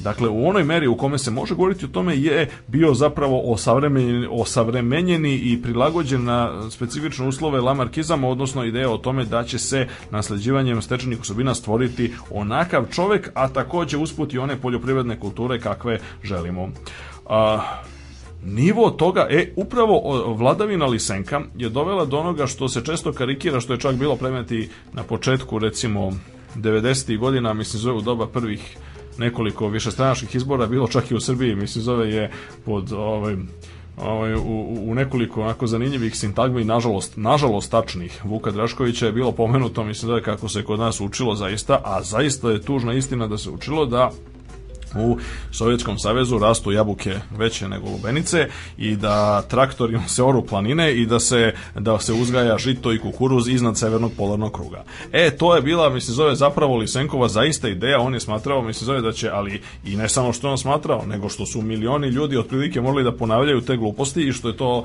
bilo objavljivano svuda i što je to bila istina protiv koje se svako bunio samo na vlastiti rizik, da će zaista biti glavna glavnina poljoprivredne proizvodnje će biti premeštena u u Sibir i to od negde, ako ne iznad severnog polarnog kruga, ono veoma blizu njemu što je naravno bilo potpuna budalaština, mislim zove, pošto apsolutno, mislim zove, ni, ni ozbiljne metode sve do najnovijeg razvitka biotehnologije ni dan danas, mislim kad smo mnogo bliži tome zato što znamo da kako treba manipulisati samom DNK, odnosno samom osnovom genetskih struktura, još uvijek ne možemo da postignemo to, a sa onim e, vrlo primitivnim metodama koje su Lisenko strana spolaganju, to je bilo potpuno nemoguće, mislim zove, bilo je bulaženo od početka do kraja.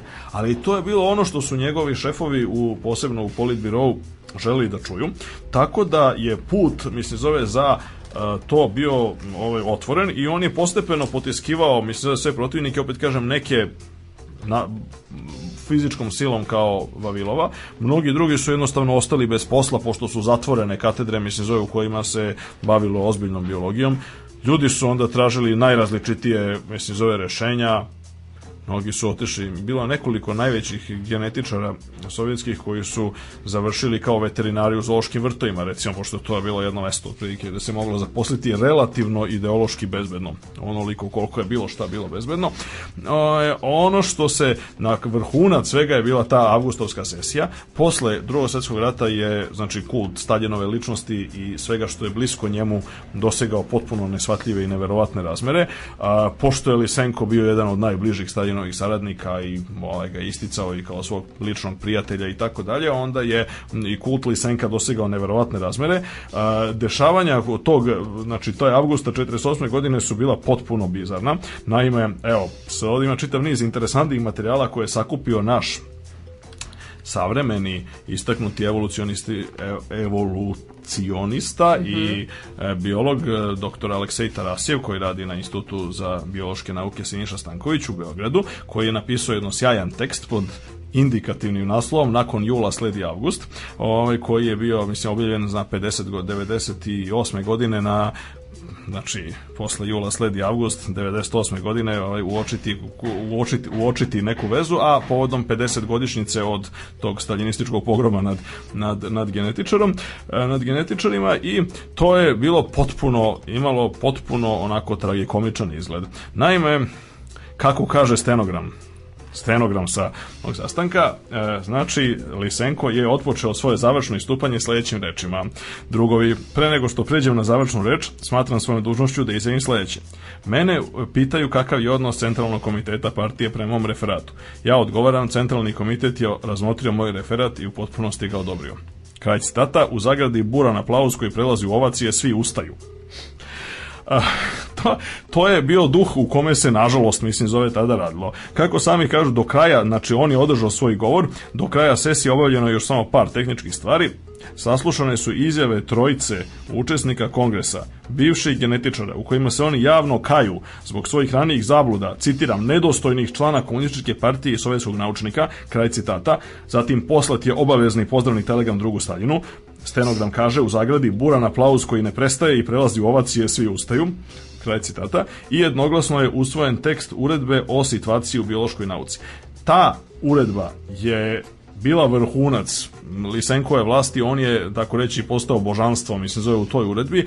I ono što je najbizarnije od svega jeste da je božanstvo ostao čak i nakon Staljinove smrti, pa i nakon Hruščovljeve destaljinizacije, tek 1960. godina, mhm. kada je došlo do stravičnih gladi, Ovaj, u 61. i 62. godine su bile strašne gladi mislim zove u kojima je u Sovjetskom savezu niko ne zna koliko ljudi umrlo gladi, ali jako veliki broj ljudi, a zabeleženi Milion. su i dobro dokumentovani slučajevi kanibalizma, znači 60. godinama, napominjem, napominjem, kada se pokazalo da je primena tih uh, Lisenkovih ideja u agronomiji, odnosno poljoprivredi, bila potpuni promašaj da, da. i potpuni tragični promašaj za koje toliki ljudi stavio života. Tek nakon njega, mi se zove i on penzionisan, doduše i to je urađeno onako prilično ispod tiha i na neki način se nikada nije izvršena je destaljinizacija, ali nikada nije u potpunosti izvršena delisinkoizacija, mislim da da kažemo sovjetske biologije, pre svega i srodnih nauka, A, I to je glavni razlog, mislim, zove li velikog zaostajanja koje, koje postoji. A, ono što je kako je izgledalo, e, samo još ono par citata ovde koje e, kolega Tarasjev jako lepo, mislim, zove sakupio o, i koji su ekstremno ovako poučni. A, na kako, kako, je, kakva je bila atmosfera u kojima su uh, Lisenkovi sledbenici i mnogobrojni poltroni, pošto su oni sad svi videli jeli, odakle, od, od kuda, kamo vetar duva i kako to treba da se radi i istupa. Uh, dakle, jedna od osnovnih stvari koja je bila uh, velika, znači glavna stvar je, je bila, su bile razne zablude. Dakle, Lisenko je u svom izlaganju kritikovao i poneke neke zablude Charlesa Darwina. E, doduše, Darwin nije baš smeo da se ono potpunosti odbacuje, to što su, za, gle čuda, mislim, zove Karl Marx je, mislim, zove ovaj, čitao i cenio Darwinovu knjigu, pa to nije smelo baš da se u potpunosti, ja? ali imao i on neke zablude, pošto Lisenko je dospao toliko visoko, mislim, da je on sad upoređivan praktično sa klasicima marksizma i ovaj, jednostavno on je imao tu slobodu da eto, mislim, ukazuje na zablude čak i ono tako, takvih ljudi.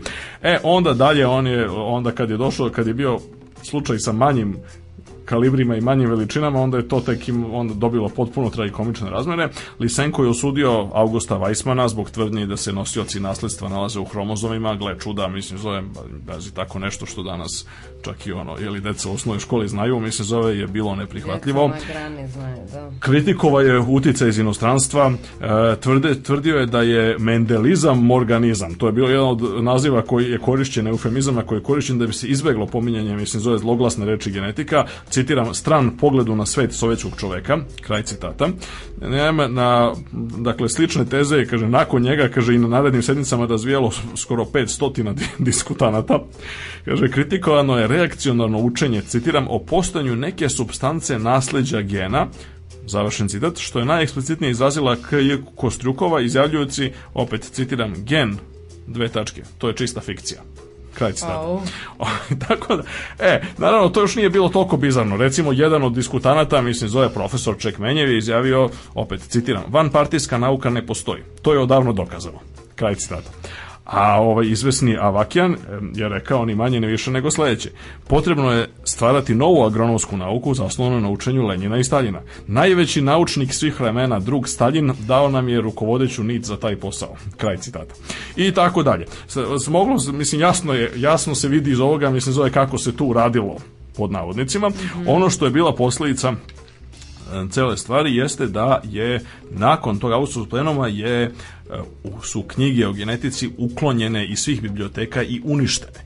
Dakle, preostalo, ko, preostali e, laboratorije za genetiku, ogledna polja i tako dalje su bila potpuno ništa. Znači, zatrt je svaki trag, mislim, zove, u, u školama se nije smelo učiti ništa o genetici. Sad, ako razmotrimo, mislim, zove da ono što se tada nazivalo genetika je osnova, mislim, zove kasnije je postala molekularna biologija i ultimativno gledano je osnova biotehnologije koja je današnji svet za svet ovog trećeg milenijuma nešto najznačajnije i nešto od čega se najveće stvari očekuju, onda se tek vidi, mislim, zove kolike to dugotrajne i potpuno tragične posledice mislim zove imalo imalo ova vrsta političkog uplitanja mislim zove u biološke stvari.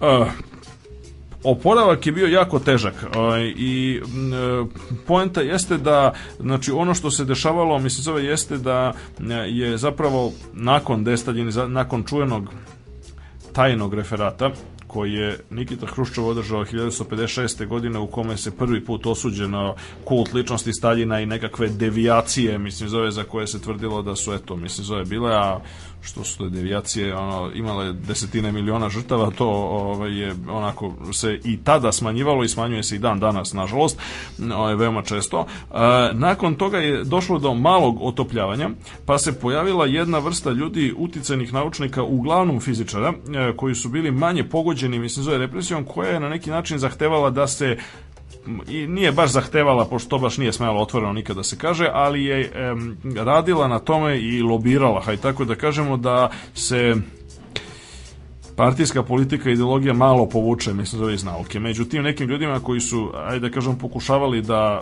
mirnim putem, kompromisom i tako dalje, e, malo normalizuju situaciju, su bili pre svega Piotr Leonidović Kapica, veliki fizičar dobitnik Nobelove nagrade, e, Kurčatov, Keldiš, e, Andrej Saharov, koji je kasnije postao veliki disident. On je jedno vreme, mi se zove, bio istaknuti naučnik, akademik, jedan od tvoraca hidrogenske bombe e, sovjetske, a kasnije je postao disident, zatim Igor Tam i još neki drugi.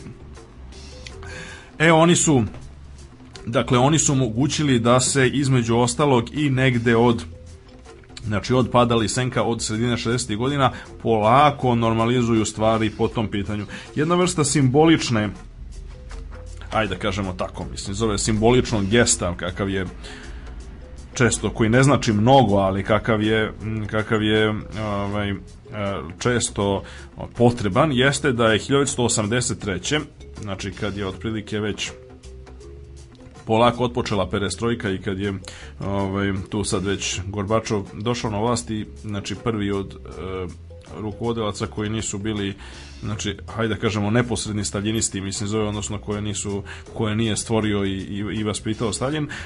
Dakle, 83. godine je doneta odluka da se Institut za opštu genetiku Akademija nauka Sovjetskog saveza preimenuje u institut po imenu Nikolaja Vavilova kao neka vrsta, neka vrsta formalne i simbolične rehabilitacije. Mm -hmm. uh, Problem jeste što je to sve došlo jako kasno. Mislim, zove, dok za vreme vladavine lisenkoizma u Sovjetskom savezu Ljudi su radili mnoge stvari, niko nije spavao, došlo je do otkrića DNK, mislim zove i Watson, gomila drugih stvari koje su učinile da jeli, ovaj, da se drugde jako prosperira, a danas je još uvek jako teško, mislim zove da, znači još uvek se zaostaje ne više toliko, mislim zove i ne onako kako je bilo zemlja Lisenka, ali dosta. Još za kraj ja pomenem da je e, Lisenkoizam možda još tragičnije, ali nedovoljno proučane posledice ima u Kini.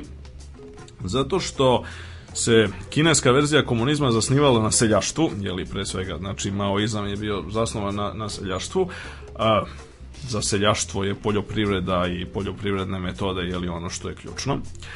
Pre nego što je došlo do razlaza između, e, između čuvenog razlaza Kine i Sovjetskog saveza, u Kini se slepo kopiralo sve što je bilo u Sovjetskom savezu, a pogotovo ono što je lično autoritet druga Staljina blagosiljao, e, te između ostalog su skopirane i Lisenkove ideje sa takođe veoma tragičnim ishodom. E, jedan od, mislim, to, to doduše nije sasvim, nije baš da su se potpunosti kopirale, nažalost, bilo je tu i ovaj, domaće pameti pod navodnicima i kreativnog tumačenja, kreativnog tumačenja Lisenkovih ideja. E, jedan od bizarnih primera koji je onako zaista dostojano i se zove velikog, velikog pod navodnicima učitelja Lisenka je bila ideja da će pšenica bolje da raste ako se dubina oranja, mislim, poveća na 80 cm. I sad, ne, ne, ovaj, to je recimo primenjeno u nekoliko kineskih provincija e, naravno bez ikakvih rezultata, pošto je potpuna besmislica, mislim, zove nema nikakve veze, mislim, zove ovaj, cela da. stvar, ali orativno 80 mislim kogod zna bilo šta o poljoprivredi, oranju i tako dalje, mislim svako može da ode na selo pa da proba da ore nešto na dubine sa dubinom od 80 cm, to je ekstremno teško, ekstremno sporo, ekstremno neefikasno generalno i ljudi su se onako, sad to, to možda nije imalo verovatno imalo kao posledica gladi, mislim, zove, imalo i, i, tragi, imalo, dovelo i do ljudskih žrtava, pošto verovatno je to bio on faktora u mnogobrojnim gladima koji su se dešavale za vreme maoističke vladavine u Kini, ali je onako donekle bilo tragikomično, mislim zove da su ideje, znači ta, pa tako sulude i bolesne ideje, mislim da je potekle tako iz jednog, ako, ajde da kažemo, polupriučenog agronoma, ovaj, uticala je da se ljudi muče i znoje i, i, i oru duplo, i, trostruko dublje nego što bi trebalo.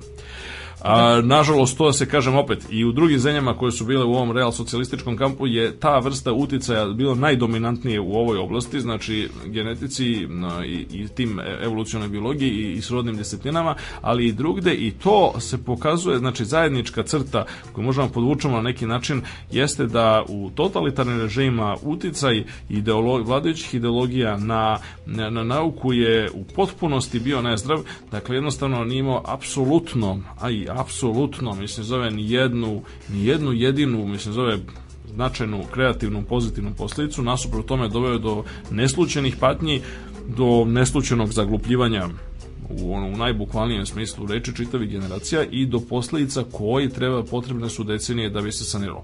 To ne znači, mislim, zove, naravno da u netotalitarnim i, ajde da kažemo, mislim, zove više ili manje demokratskim sistemima e, ne postoje zloupotrebe, o njima ćemo da pričamo malo sledeći, u sledećoj emisiji, a i da neke od mhm, njih mogu to, biti, to, to. Ta, neke od njih mogu biti takođe veoma tragične, ali stepen, mislim, zove, do koji je, e, do koji je došla, recimo, ta arijevska kvazi nauka u, u nacizmu i, recimo, lisenkoizam u, u, u komunizmu, odnosno real socijalizmu, je zapravo apsolutni, ono, apsolutno dno dna koje još na sreću, mislim, zove nije dostignuto, nadamo se da neće ni u budućnosti. Ok, dobro, dakle možemo da kažemo sledeće epizode slušamo treći deo nauke i politike, ali u demokratskim društvima, a sada malo muzike.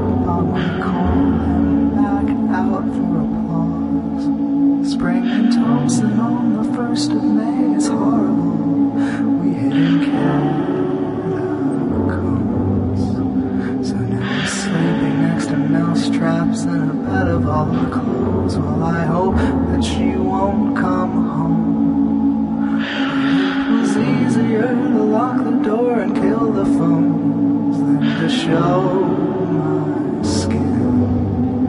Because the hardest thing is never to repent for someone else. It's live.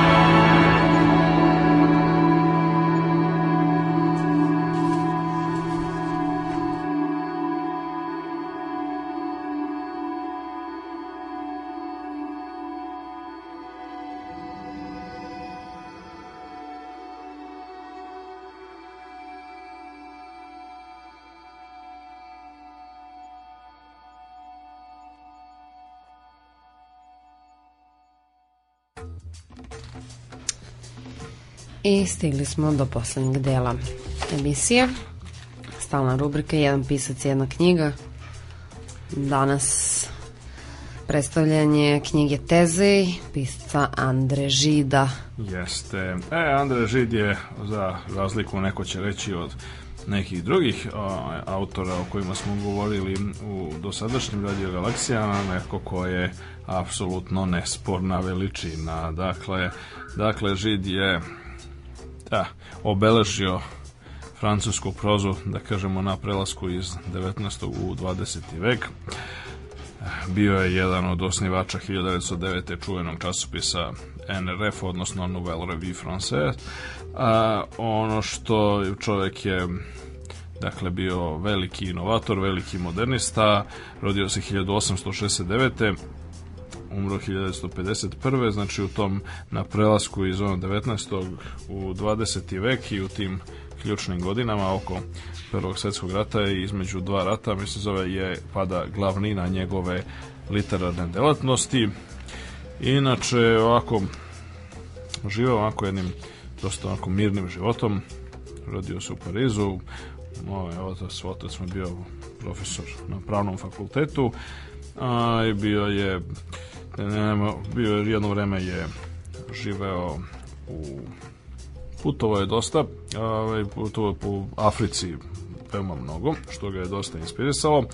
Ovaj u ostalom svetu e, bio je kao i mnogi a, e, drugi ljudi, mislim, zove svoje generacije, ubeđeni levičar, s tim što 1000, oko 1930. godine je se okrenuo komunizmu, a relativno brzo se razočarao, pošto već 36. godine je, se, je bio u poseti na Sovjetskom savezu, kome su mu odane o, ovaj, razne počasti, to je veza sa našom prethodnom temom, između ostalog je bio jedan od glavni, jedan od glavnih govornika na pogrebu Maksima Gorkog, uze bude rečeno smrt Maksima Gorkog nikad nije baš u potpunosti razjašnjena, kažu da je čovjek bio ovako relativno dobrog zdravlja, mislim zove dok mu nisu rekli da treba da se operiše, mislim zove i tako, tako da je ovaj, to ostala i dalje prilično, prilično misteriozna stvar, ali ovaj Žid je video šta je video i onda je napisao knjigu Povratak iz Sovjetskog saveza koja je ga je dovela u žestok sukob, mislim zove sa pomodnim levičarima tog doba i dakle čak su mu pretili smrću, mislim, zove ljudi kao što je André Malroy, Louis Aragon i o, još neki ovako francuski komunisti. A, međutim, čovjek je jednostavno je raskrinkao taj mit vrlo efikasno i vrlo ubedljivo u vreme kad su mnogi, nažalost, odabirali da zatvaraju oči i da, i da veruju u njega. Uh, mnogi čak i mnogo, mnogo kasnije, nažalost, ljudi kao Sartre i uh, Simone de Beauvoir i drugi. Uh, dakle, Žid je od znači svojih glavnih literarnih dela imao najpoznatiji roman koji je kod nas doživao više izdanja, Kovači lažnog novca, ili falsifikatori napisao 1926. To je bila jedna od prvih knjiga u kojoj se otvoreno govorilo o aktuelnoj temi homoseksualnosti. A, sam Žid, inače, iako je bio dva put oženjen, je se smatrao biseksualcem i ovaj, bio je jedan od ljudi prvih koji su govorili o tome jako otvoreno, za ono što je interesantno, on je o tome govori sasvim otvoreno vreme do kako se setimo priče o Turingu, mislim zove Turing mm -hmm. ono, doživeo ono što je doživeo i završio onako kako je završio jako nesrećno, što pokazuje da je bilo stvari u kojima je Francuska, mislim zove sredina, bila ipak daleko liberalnija recimo nego Britanska. A, ono što, pored znači kovača lažnog novca, Žid je poznat po sjajnoj onako pa, kako se to nazvao, on je to nazvao sotijom pošto je to jedan stari žanr srednjevekovni koji on izvadio iz, iz naftalina i obnovio, mislim, nakon mnogo vekova, a moglo bi se reći, znači, onako tragiko, jedna, jedan onako tragična farsa, aj tako se izrazim, pod naslovom Podrumi Vatikana, koja je, mm, ja mislim, u Srbiji bi trebalo da najde na veliku podršku. Ona je jednom objavljena, čini mi se, u okviru ovih židovih izabranih dela, koja su kod nas izašla negde, u kom izdanju? Negde, mislim, zove u Novom Sadu u izdanju Otokara Keršovanija iz Reke, a u Novom Sadu, zamislimo, 1980. godine, eto, su bio e, židova izabrana dela u osam knjiga, tu su izašli podroni Vatikana, ali tu knjigu bi trebao možda preštampati, pošto se bavi nekim stvarima koje su, ovaj, nažalost, dobrom delu, mislim, zove ovaj, srpskog stanovništva jako, jako bliske. Sa jedne strane se bavi teorijama zavere, a s mhm. druge strane, mislim, zove pak ovaj, osnovni ono, centralni događaj u ovaj delu je jedno ali bukvalno bezrazložno ubistvo tako da mm. o, ovaj, tako da u tom smislu je ovako ja Aktualno. verujem da bi naišao na, na, na verujem da bi naišao na čitaoce. E, pored drugih stvari mislim da je Žid je e, pisao i drame e, i pisao je veoma obimne i detaljne dnevnike. E, pisao je i bio je jako veliki kako se to kaže uh, sad mi je na vrh jezika taj izraz za... A, a, za, za... SP100... hmm, nije epistolar, se zove, nego jeli, čovjek koji piše jako mnogo pisama, postoji neki izraz za to koji je sad na vrh jezika, uglavnom njegova prepiska je ogromna sa nekim od najvećih ono, intelektualaca jeli, za tog vremena, između ostalog Rainer Maria Rilkeom, Marcelom Prustom, se zove Polom Valerijom, Rože Martinom Degarom i tako dalje, znači imaju ogromnu prepisku koja je objavljena, mi se zove ono u desetak tomova, e, uglavnom nakon njegove smrti. Uh, ono što je ono što je interesantno jeste znači većina njegovih dela su u periodu između dva svetska rata mislim zove glavnih nastala uh, posle drugog svetskog rata napisao je praktično samo jedno bitno delo mislim zove a to je upravo kratak roman ili novela tezi a, koja predstavlja neku vrstu njegovog literarnog testamenta, haj tako da kažemo. On je, on je to objavio 1946. Sledeće, 47. godine dobio je Nobelovu nagradu za knježevnost i do svoje smrti 1951. mislim da nije ništa bitnije pisao, kažem opet objavljivane su njegove dnevnici, prepiska i tako dalje.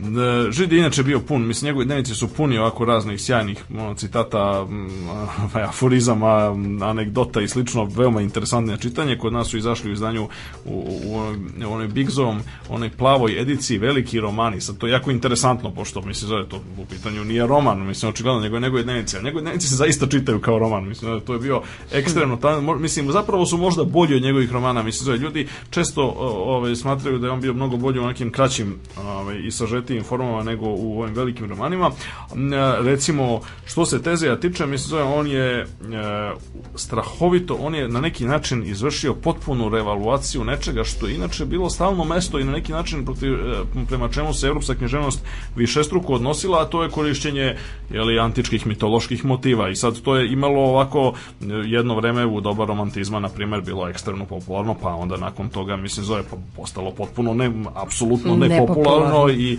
i smatralo se tako staromodnim i tako izrazom lažnih romantičarskih pretenzija i tome slično.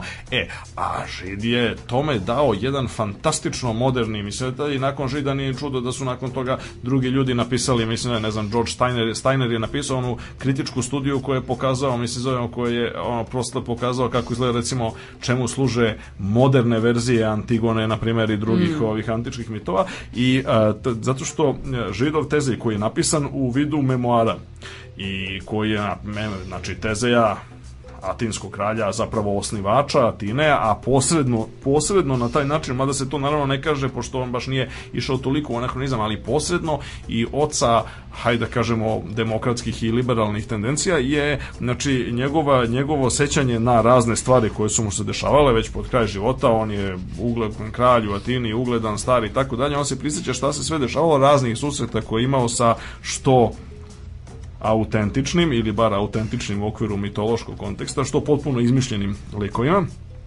I na neki način je a, znači taj židov a, izuzetni humanizam po kome on zapravo mislim možda mislim zove pisac ono bez presedana u tom nekom mainstreamu mislim zove književnosti ove evropske je došao najviše do izražaja evo za sam kraj mislim zove zapravo kraj Aha, e, sam kraj, kraj. kraj e, Tezeja u kome se posljednji od tih susreta koje on opisuje je susret sa nekadašnjim kraljem Tebe, Edipom, koji je je li poznat po svemu šta mu se dešavalo već no, ranije po velikim ovaj, usponima i padovima i sad Edip je po legendi poslednje godine života kao slep, pošto samog sebe oslepeo, mislim je proveo na, u tom vrtu na kolonu koji je bio, bog zna kako, na granici Atike i Beotije, odnosno mesta gde su nastali kasnije veliki grčki polisi Atina u Atici i Teba u Beoti mm -hmm. i a, e, na neki način je on smatran eto kao prorokom i mudrom, čo, mudrim čovekom i Santezi dolazi kod njega po savet, ali zapravo odbacuje njegov savet koji mu, koji mu on daje,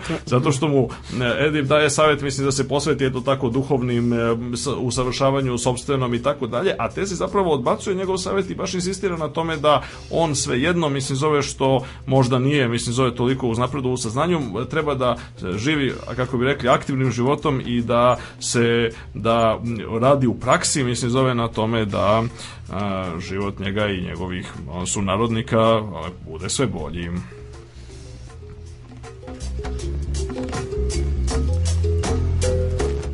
Dragi Edipe, rekoh mu na kraju kad sam shvatio da je prestao govoriti. Mogu te samo hvaliti zbog nadljudske mudrosti koju ispovedaš, ali moja misao na ovom putu ne može pratiti tvoju. Ostajem dete ove zemlje i verujem da čovjek kakav god daje i makoliko grešnim ga smatrao i sve mora odigrati igru onim kartama koje ima. Ti si sigurno upotrebio svoju nesreću, okoristio se njome da i postigao bliži dodir sa onim što nazivaš božanskim. Šta više, ja rado verujem da je neki blagoslov vezan za tvoju osobu i da će se taj blagoslov, kako proročanstva kažu, preneti na zemlju u kojoj će zauvek počivati. Prećutao sam, nisam dodao da je važno da ta zemlja bude Atika i smatrao sam srećnim što su bogovi Tebu spojili sa mnom. Kad uporedim svoju sudbinu sa Edipovom, ja sam veoma zadovoljan. Ostvario sam svoj zadak. Iza sebe ostavljam grad Atinu. Volio sam je više nego ženu i sina. Stvorio sam svoj grad i za mene u besmrtnost nastavljaće se moja misao. Mirno se približavam u samljeničkoj smrti. Okusio sam razna dobra ove zemlje. Draga mi je pomisao da će zahvaljujući meni ljudi biti bar malo sretniji, bolji i slobodniji. Svoje delo izvršio sam za dobrobit budućih pokolenja. Ukratko živeo sam.